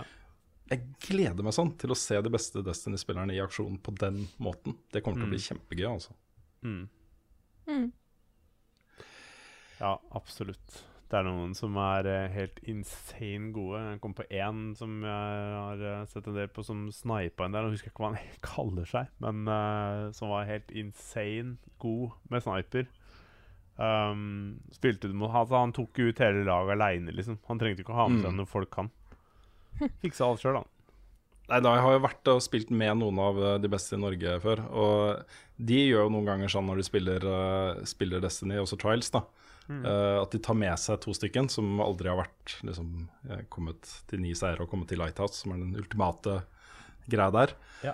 Bare, sier, det, bare hoppe utfor kanten her i starten, så ordner jeg dette her alene. at det har blitt en greie da, at de skal komme seg til Lighthouse én mot tre, på en måte. Ja. er, eh, Hadde jeg vært med på det, så hadde jeg ikke følt at det kunne være At det er så gøy. Men uh, jeg skjønner liksom den challengen, det rushet det gir til de kanskje som, som utfører det. For det, det blir jo liksom en um, veldig sånn uh, egosentrisk uh, opplevelse, da. mm. Um, men um, hvis jeg skulle vært med, så er det sånn OK, greit, jeg er kanskje dritdårlig, men jeg vil i hvert fall føle at jeg bidrar litt, og at jeg kan i hvert fall prøve å gjøre noe. Um, Problemet også hvis du bare dør, er jo at du, du gir jo motstanderne fordel og ulti og gud veit ikke hva. Så Jepp. Uh, kan også nevne kjapt at det kommer et nytt uh, multiplayer mode som jeg syns så uh, bra ut. Ok. Eh, Litt sånn sammenlignbart med det du snakka om i Titanfall 2 også, eh, hvor du ikke får poeng for kills, eh, men hver gang du dreper noen, så slipper de fra seg en orb. Og du må plukke opp den orben for å få de poengene. Eh, og den orben kan også uh, motspillere plukke opp, så da får du ikke de poengene. Dette minner okay. meg om uh, moden Kill Confirmed fra um, det, det høres veldig ut som Kill Confirmed fra Cold Duty. Ja, det er helt sånn sikkert. At, ja, når du, når du dreper en, så slipper de fra seg en dogtag. Og så er det sånn hvis du skal ha det poenget, så må du gå og fange den. Og hvis ikke du fanger den og motstanderen tar den, så mister du det poenget. Så da teller Mm. ikke killet. Så det er Ja. Ja, det er, eh, det er en mode jeg har spilt en del, og det er eh, frustrerende som fy. For det er liksom sånn herre For det er sånn Ja, OK, jeg fikk killer, men det er sånn Jeg må jo ha den tingen også. Og så er det sånn det er ikke, Hvis du går fram, så er det risikoen for at du går inn i liksom Og dør tilbake, er liksom Ja. Nei. Yes. Det er en Jepp. veldig Jeg annerledes måte å spille på. Mm. Jeg kom på at jeg har en nyhetssak til, hvis vi er ferdig med eh, Destiny. Go for it. Ja, fordi at eh, rett før sommeren så annonserte jo Nintendo at det skulle komme eh, den aller siste Splettfesten til Splatoon. Skulle være i juli. Mm. Og den har jo vært, og sist gang jeg var med på podkasten, så snakka jeg òg om dette her, fordi at jeg var veldig skeptisk til hva Nintendo kom til å gjøre videre.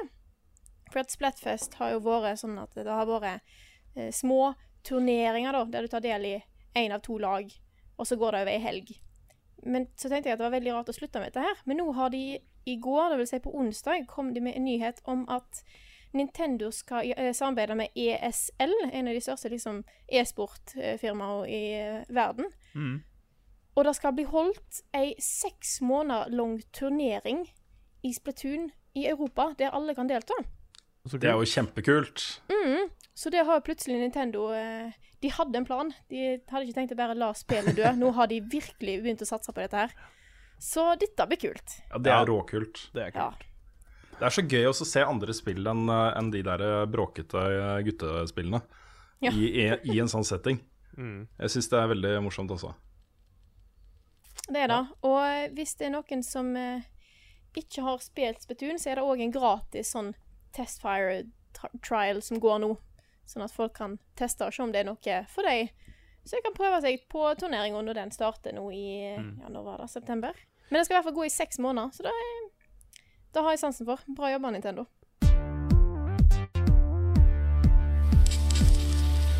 Vi skal eh, som vanlig svare på spørsmål fra dere som hører på. Eh, Jeg begynner med et eh, spørsmål som vi ikke har tenkt å svare på. Det er fordi, okay. fordi vi har fått det nå tre uker på rad. Og det er fra Tony Flaten, som har en YouTube-kanal, og han vet ikke helt hvilke spill han skal lage Let's Play-serie av. Og det er vanskelig for oss å sitte og fortelle han hva han skal lage Let's Play-serie av, syns jeg. Egentlig. Jeg kan gi et Så- kjemperaskt tips. Ikke spill, Mm. men bare liksom bare spill noe og ha det gøy. Ja, ikke hvis sant? du har det gøy, så kommer de til å se på som ser på, sannsynligvis ha det gøy også. Mm. Ikke tenk på hva andre har lyst til å se på. Nei. Bare ta noe som du sjøl er komfortabel med, noe du syns er gøy å holde på med, og så Ja. blir det bra. Ja, så, så det, det ble jo et slags svar allikevel. Ja.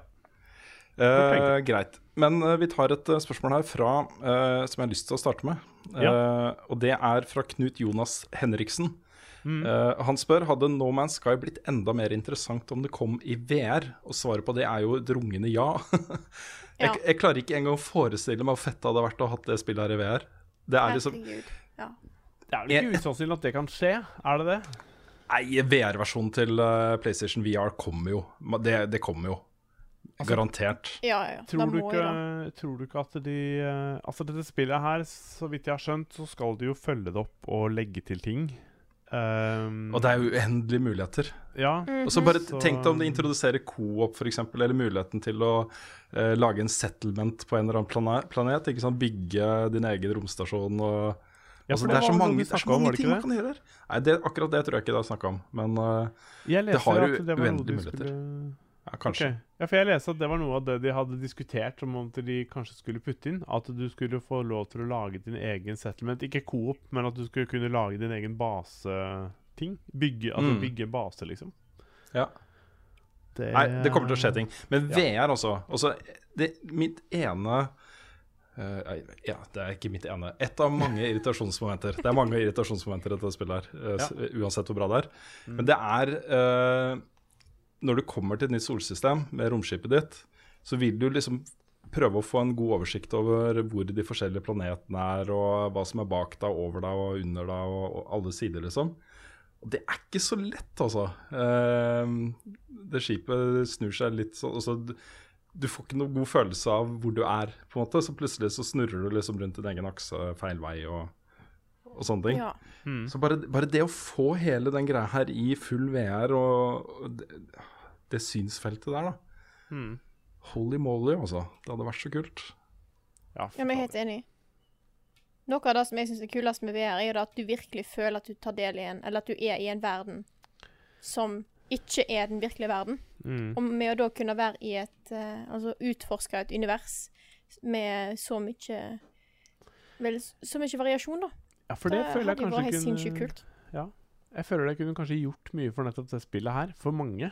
At det er sånn der, Du får virkelig følelsen av å være der. Jeg husker når jeg satte meg inn i Var det EVE Online, romskip med, som vi testa på E3 med mm, VR. Og, og den følelsen der er jo det, var, det er noe av det rareste jeg har vært med på. For du, du føler virkelig at du setter deg inn i et skikkelig skip, og at du er et annet sted. Um, Mm. Så ja. Yes. Yes, yes. Har du et uh, dritbra spørsmål? Ja, jeg har Lars? det. Uh, så jeg tenkte egentlig jeg bare skulle kjøre med en gang. Det blir uh, Det er fra Mr. Sinfor. Så oh, ja. med en yeah. gang kjører vi det. For det syns jeg var eh, Det, det virka bra. Så det blir ikke noe eh, kjempevignett, men eh, du kan, eh, kan tenke deg den selv her nå. Hva er deres beste barndomsminne knyttet til spill? Bra spørsmål. Ja. Beste barndomsminne? Ja.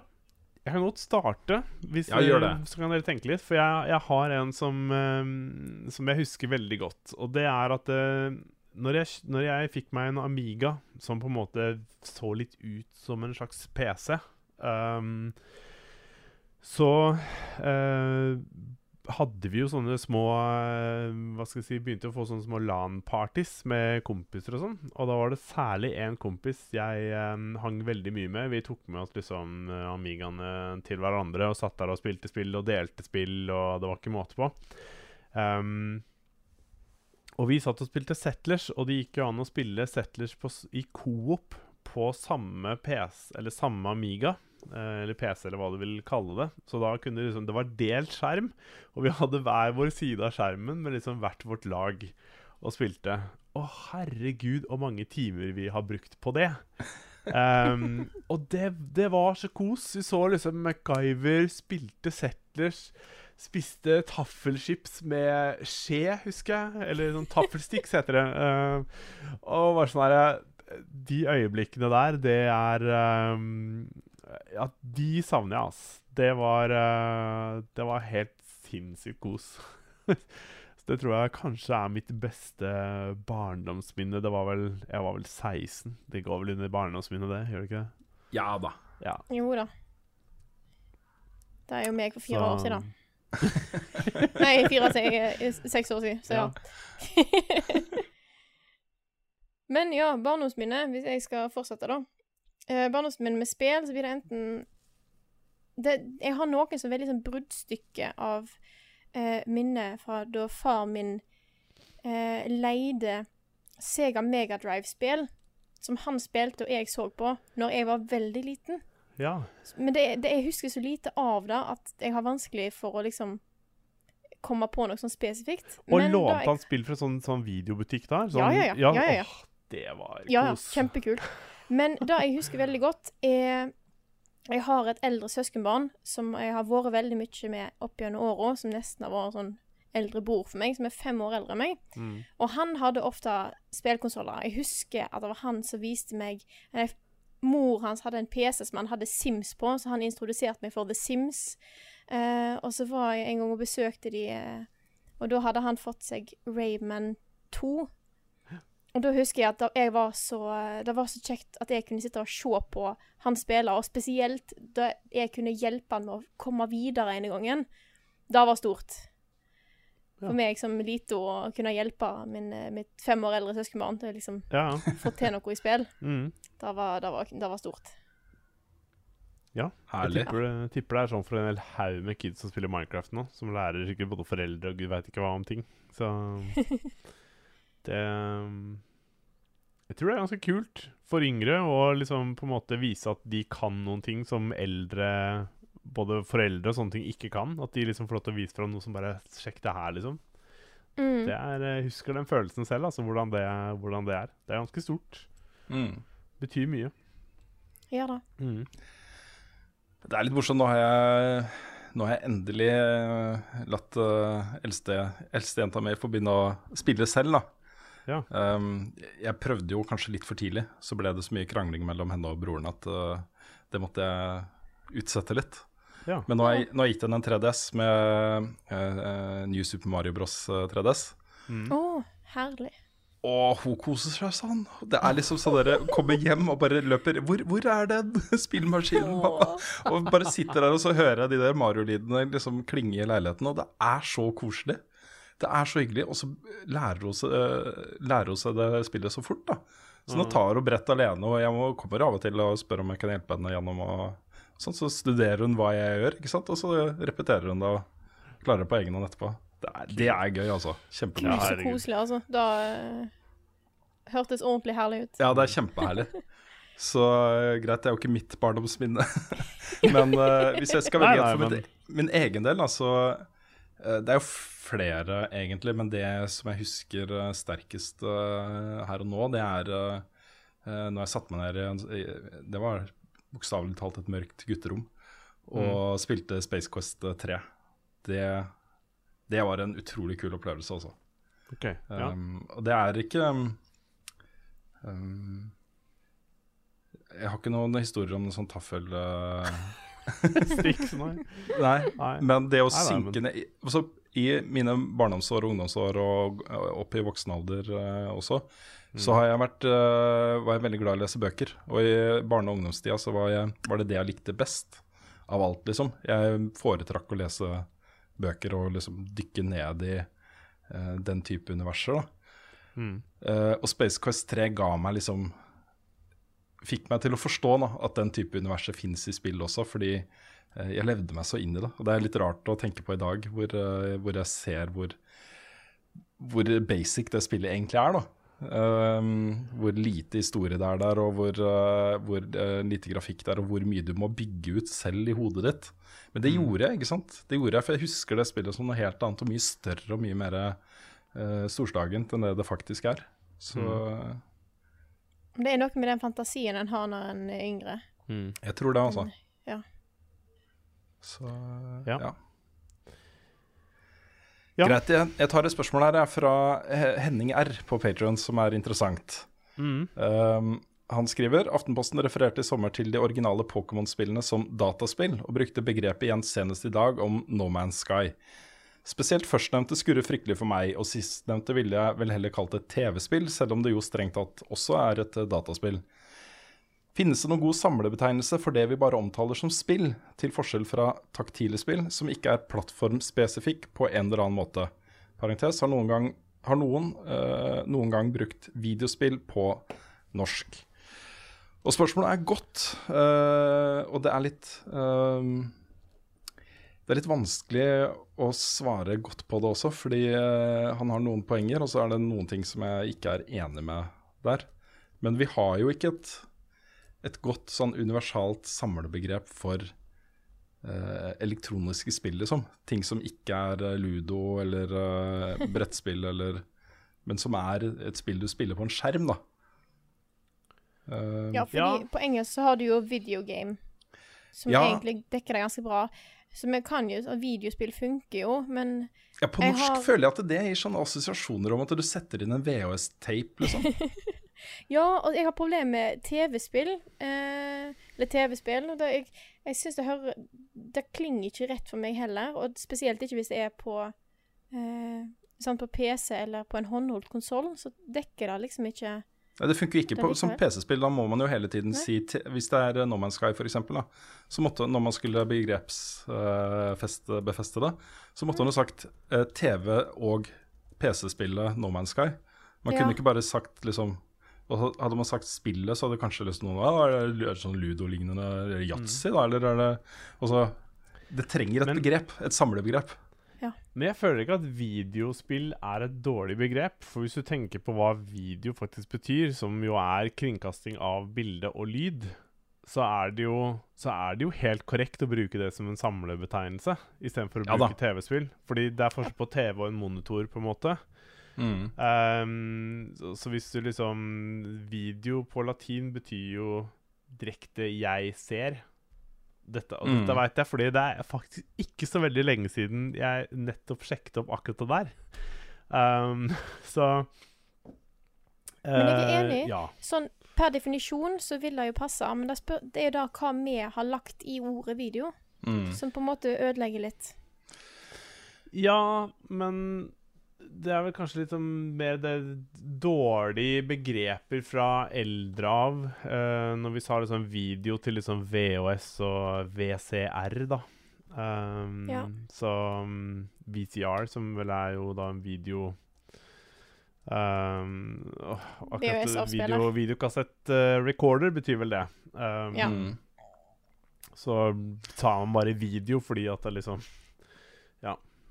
Men uh, jeg vet ikke. Jeg, jeg, føler meg litt skyldig at det har blitt sånn også, fordi uh, Jeg vokste opp med begrepet dataspill. Alle kalte mm. det dataspill. Og mm. det ble også brukt i mediene hele tiden. Mm. Uh, ikke, ikke, konsekvent. Det har blitt brukt TV-spill og PC-spill og også videospill opp igjennom.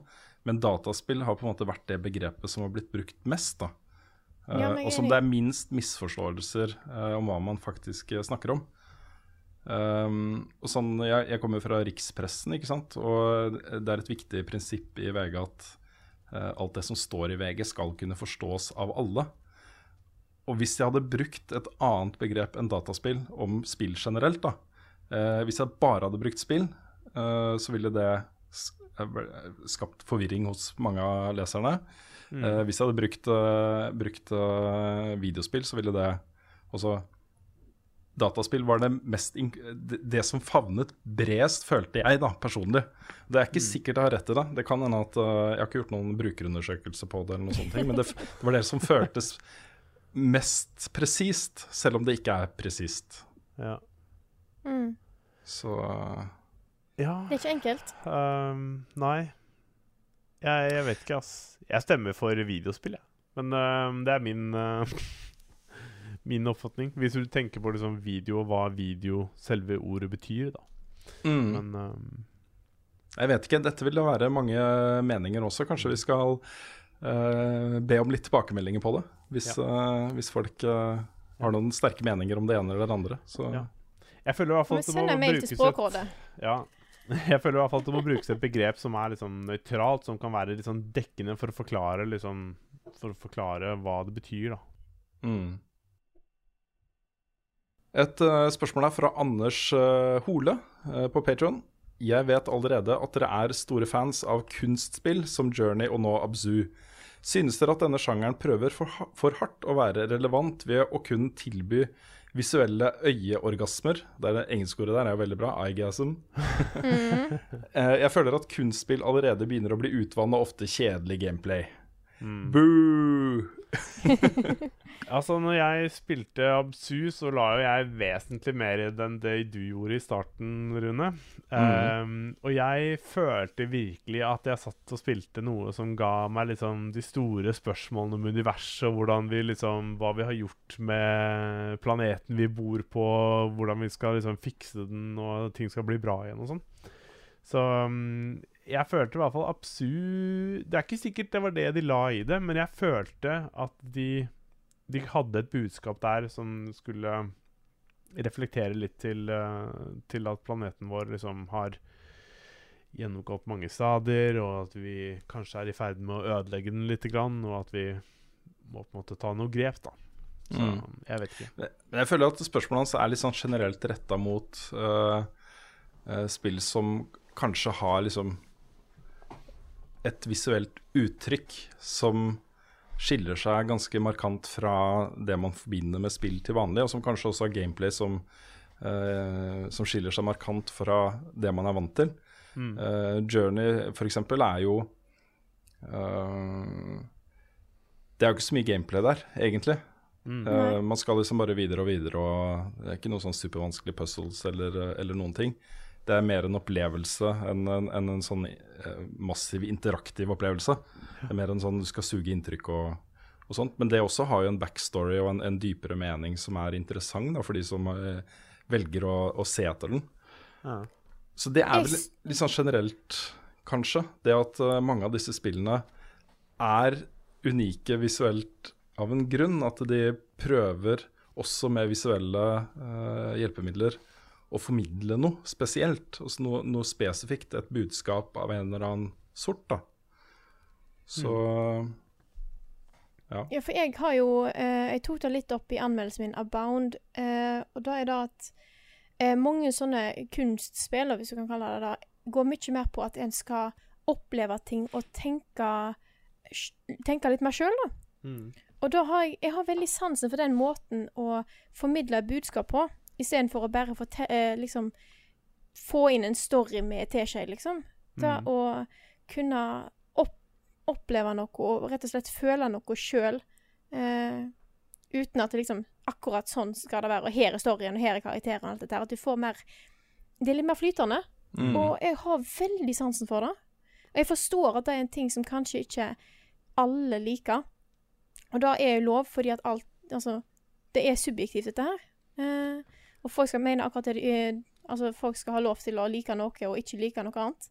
Men for meg så syns jeg det er, det er noe spesielt. Sånne type spill. Ja.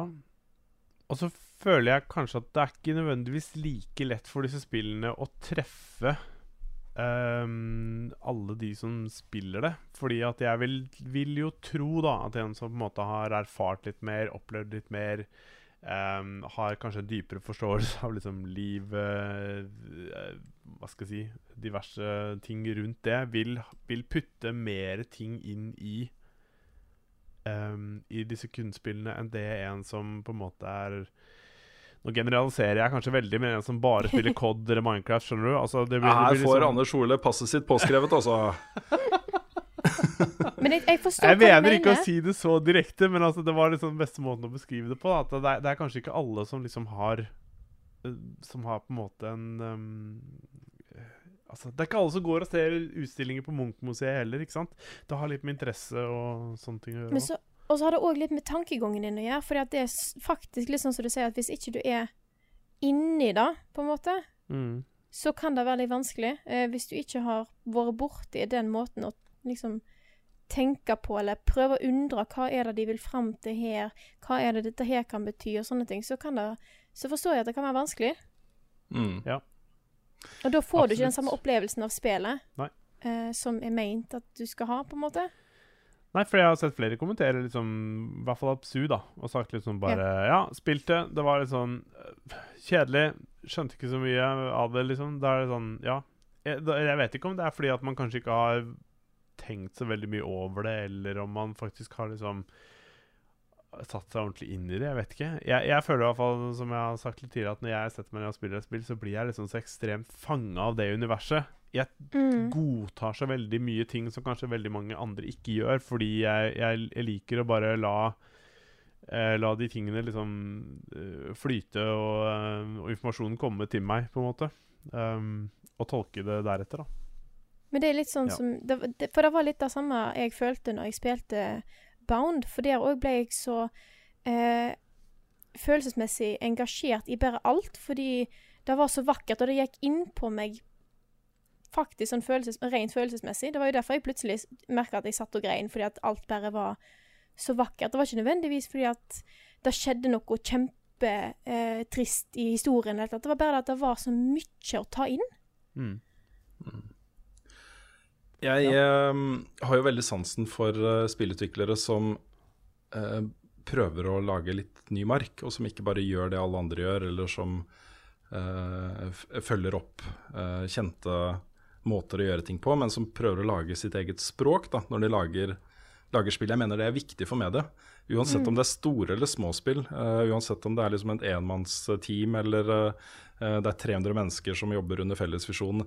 Altså, bare det å lage nye uttrykksformer eh, interaktivt eh, i spill er viktig. Det er spennende. Og jeg tror kanskje, hvis man spiller så mange spill som det jeg gjør og har gjort opp gjennom åra, så setter man kanskje litt ekstra pris på det også. Fordi uh, man får plutselig servert noe som ikke ligner andre ting man har spilt, og som er noe ganske unikt, og som eh, formidler ting på en helt annen måte. Så blir man litt ekstra glad for det, tror jeg.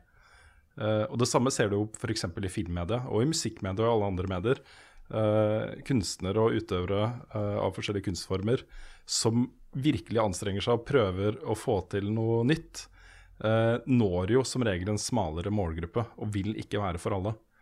Um, noen ganger så slår det gjennom og blir en veldig stor ting, særlig sånn hvis det er på engelsk og internasjonalt og sånne ting. Men uh, ofte så, så har det jo et litt, litt begrensa publikum, da. Så, så jeg vet ikke. Jeg føler ikke at de spillene han snakker om her, trenger å være for alle heller. Eh, men, jeg, men jeg håper han forstår at, uh, at noen kan finne verdi i dem. For det er uh, Jeg syns det er en god utvikling at du får den type spill som noen er lidenskapelig engasjert i, og andre ikke liker. At man ikke bare har sånne svære juggernauts som er uh, designed by committee for å tilfredsstille så mange som mulig, på en måte, men at man får sånne Nei, vet du hva, jeg har en visjon her, ja. Den skal jeg, den skal jeg følge til punkt og prikke, og det er min visjon. Og hvis ikke du liker den, så fuck you, liksom. Det her er min, min greie. Ja, men jeg er helt enig, fordi at det er sånne spesielle eh, eh, situasjoner som treffer deg. Hvis det treffer deg, så setter det seg så mye mer. Og jeg blir så Mm. glad for at det fins folk som tør å ta det steget og gjøre noe helt annerledes. Fordi når det da når si målgruppe, selv om den er veldig liten, så vil det påvirke deg mye mer enn bare noe sånn generelt Ja, jeg holdt på å si noe som bare skal treffe alle, og bare tilfredsstille alle, da. Mm. Og Der er jo Metal Gear Solid-serien et godt uh, eksempel på en sånn big eh, blockbuster-serie, som har, jo, også gjør det. Hvor du har liksom Hideo Kojima som sitter bak der og uh, bare pløyer gjennom sin visjon for, uh, for historien og for rollefiguren og gameplay-mekanikker og alt dette her, liksom. Og jeg vet om mange folk jeg som hater Metal Gear, som syns det er det kjedeligste og mest dustete tingene i hele verden. Ikke sant? Mm. Mens du har da blodfans som er forguder Hideo Kojima og hele den serien, ikke sant? Mm. Uh, og det er fordi det har da truffet noen. Og det er, det, det, sånne ting skjer fordi uh, det ligger en veldig klar visjon bak, som er uh, veldig spesifikk og veldig sånn unik. eh, og som gjenspeiler at mennesker er forskjellige og setter pris på forskjellige ting. Mm. Jepp. Har du et siste spørsmål, Lars? Ja, det, det har jeg. Det var eh, Det er Alexander Aanvik som spør hva håper dere kommer på Nintendo NX, og hvilke forventninger har dere for konsollen? Nå har jo en, eh, altså Det er jo ikke så veldig mye som er kjent uh, av spilltitler og sånn som kommer til Nintendo, men eh, Nintendo har vel ganske nylig sagt at det skal komme både et nytt uh, Zelda, et nytt Mario-spill og et nytt Hva var det siste igjen? Ehm, hvilke andre store serier er det de har? Altså, jeg vet at uh, det, er, det er en stund siden nå, men jeg vet at Shigeru Miyamoto gikk ut og sa at Pikmin 4 er snart ferdig.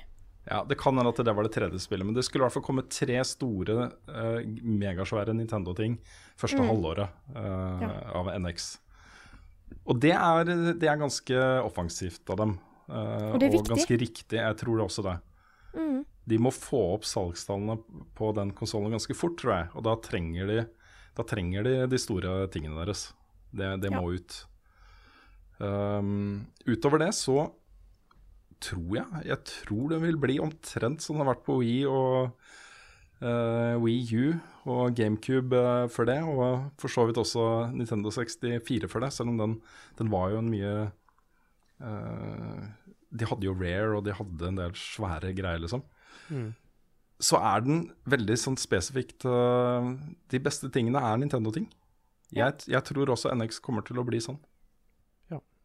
Ja, men det tror jeg òg. Eh, det har jo vært noen ekstratitler eh, til f.eks. Wii U som har vært utenom Nintendo-lag, da. For eksempel Bajonetta, som er Sega-eid. Eh, eller Bajonetta 2, da.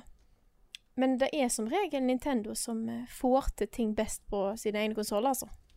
Ja, Det var litt nedslående å sitte og se på salgsstatistikken for spill på Wii, som jo solgte var det, 120 millioner eksemplarer eller noe sånt. Det var helt uh, absurd hvor mange konsoller som ble solgt av den.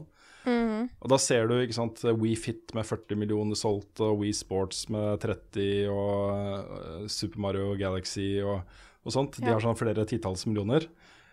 Og så er det de bra liksom, tredjepartstingene som har kommet fra andre utviklere. Er kanskje 500 000 og 400 000. Og, altså det, Ja. Nintendo-konsoller er Nintendo-dominert, da. Veldig. Og det er eh, Jeg vet ikke om det er et problem, egentlig, men, eh, eh, men det begrenser jo litt omfanget da, til konsollen, kanskje. Men det kan jo òg føre til at uh, tredjepartsutviklere ikke tør å satse på Nintendo-konsoll fordi at de ser at de ikke klarer å nå så langt der som kanskje på andre konsoller. Ja, ta et spill da som uh, altså det, det mange håper på, er jo at Nintendo skal bli et reelt alternativ hvis du er glad i, i COD og mm. Titanfall og også de svære megatingene, liksom. Men hvis du sitter da, da og skal velge mellom å spille Titanfall 2 på eh, Nintendo NX eller på eh, PlayStation 4 Neo, så vil nok kanskje Neo yte bedre grafikk. Mest sannsynlig så vil den det. Og da vil man foretrekke den. Og det, det er på en måte den, det valget som Nintendo har kommet opp mot hver gang du ser de store tredjepartsseriene komme til Ja. konsollen. Ikke sant? Mm. Men de har vel sagt nå at de ikke har tenkt til å fortsette den der grafikk-races Det der grafikk-racet som eh, Xbox og Sony eh, eller PlayStation har starta, da. Mm. At det er ikke det Nintendo har lyst til å gå videre. Eh, så jeg tror den der eh, Den sjansen de hadde til å være med som en ekstra konsoll til f.eks. Call of Duty og sånne ting, den på en måte har gått. Mm. Ja, Det kan godt tenkes at de bare sier OK. Uh, men da må de jo få med uh, resten av spillverden på å lage unike opplevelser til uh, en, en spillkonsoll som ikke er stasjonær. Ja. Uh, for det er jo uh, Hvis da ryktene stemmer, og det ser jo veldig ut som det gjør det, så vil du kunne ta med den NX-en overalt. Og den har sin egen skjerm og sin egen håndkontroller og sånne ting. Du kan spille den som en håndholdt maskin, som er litt større enn en, en Wii U-kontroller. Eh, eller du kan ta av, demontere håndkontrollerne og så sette opp skjermen på en lite sånn medfølgende stativ. Og så sitte og spille det som en vanlig spillmaskin, på en måte. Ja. Jeg, jeg, det, jeg syns jo det er interessant, men det må jo lages bra ting til den. Mm. For de har et konsept der som kan bli veldig kult, men jeg er litt spent på å se annet ytelse og sånne ting. Fordi at med en gang du skal ha noe som skal være mobilt, og du skal kunne ta med deg, så må de jo ofre noe. Så jeg er spent på, er spent på å se, se hva han klarer. Eh, ikke da at jeg er opptatt av at det skal være perfekt 4K-oppløsning eller oppløsning og grafikk og alt dette her, men jeg er bare spent på å se hva han, hva han kjører, denne maskinen. Det Nintendo burde gjøre nå, vet du, det er å bare uh, uh, konvertere og gjøre klart alle de svære tingene som har kommet ut på Wii U og Wii, og for så vidt også lenger tilbake i tid, men bare ha et kjempebibliotek av gamle spill som fungerer på NX fra dag én. For da tror jeg nok mange hadde kommet tilbake til Nintendo. Hvis de Ok, de hoppa over Wii, for det var liksom ikke så mange interessante spill. Og kanskje ett eller to de hadde lyst til å spille, og hoppa over Wii U. De syntes kanskje Splatoon så interessant ut, men kanskje ikke interessant nok. Og så er det på en måte alle de tingene tilgjengelig. Det, det hadde vært fett. Det kommer ikke til å skje, da, men uh, det hadde vært kjempekult, altså. Nei, for de har vel sagt at det ikke skal være bakoverkompatibelt. Nei, det blir ikke det. Nei, Så da, eh, da må de satse stort, altså. Ja, det Da må er de ha de, mye nye spill som kommer, og da håper jeg de får til at ikke ting blir utsatt. At de sier det skal komme det første halvåret, men så venter de, og så tar det lengre tid, og så mm, blir det en ny konsoll uten noen store satsinger. Ja. Så jeg er spent. Det blir, eh, det blir et spennende vel halvår, blir det vel? mm. Mm. Greit. Eh, jeg tenker vi runder av eh, her nå. Da må jeg takke først deg, Frida, for at du stilte opp eh, igjen. Det er veldig hyggelig å ha deg med i podkasten. Er Koselig. bare, bare kjekt å være med og kjekt å bli spurt og alt dette her. Nesten litt synd at ikke vi hadde flere sånne uh, tilfeller hvor vi eh, leter etter fakta. Uh, kunne be deg om å google ting. uh, det burde vi nesten ha bare hatt. Ja, ikke sant? Ja, Mm. jeg har googla litt ting underveis, da, bare for å være sik sikker på at det jeg, eh, har, eh, det jeg skulle si, var sant. Ja, og sånt. Så Ja, okay. det, det har skjedd litt sånn i kulissene her som ingen har fått med seg. Men Ja. Ja, men det er bra du sa det. Da er uh, podkasten komplett. ja, ja, ja. Takk til deg også, Lars. Morsomt, uh, morsomt å lage podkast med deg. Selv takk. Takk for det. Mm. Og tusen takk til alle som har hørt på, og hjertelig tusen takk til alle som backer oss på Patron. Ja. jeg, jeg har ikke noe sitat engang. der, Jeg Jeg orker ikke. Ja, jeg er så sliten. jeg har Ja, men da Vær så god. To the edge of the universe and back. Endure and survive.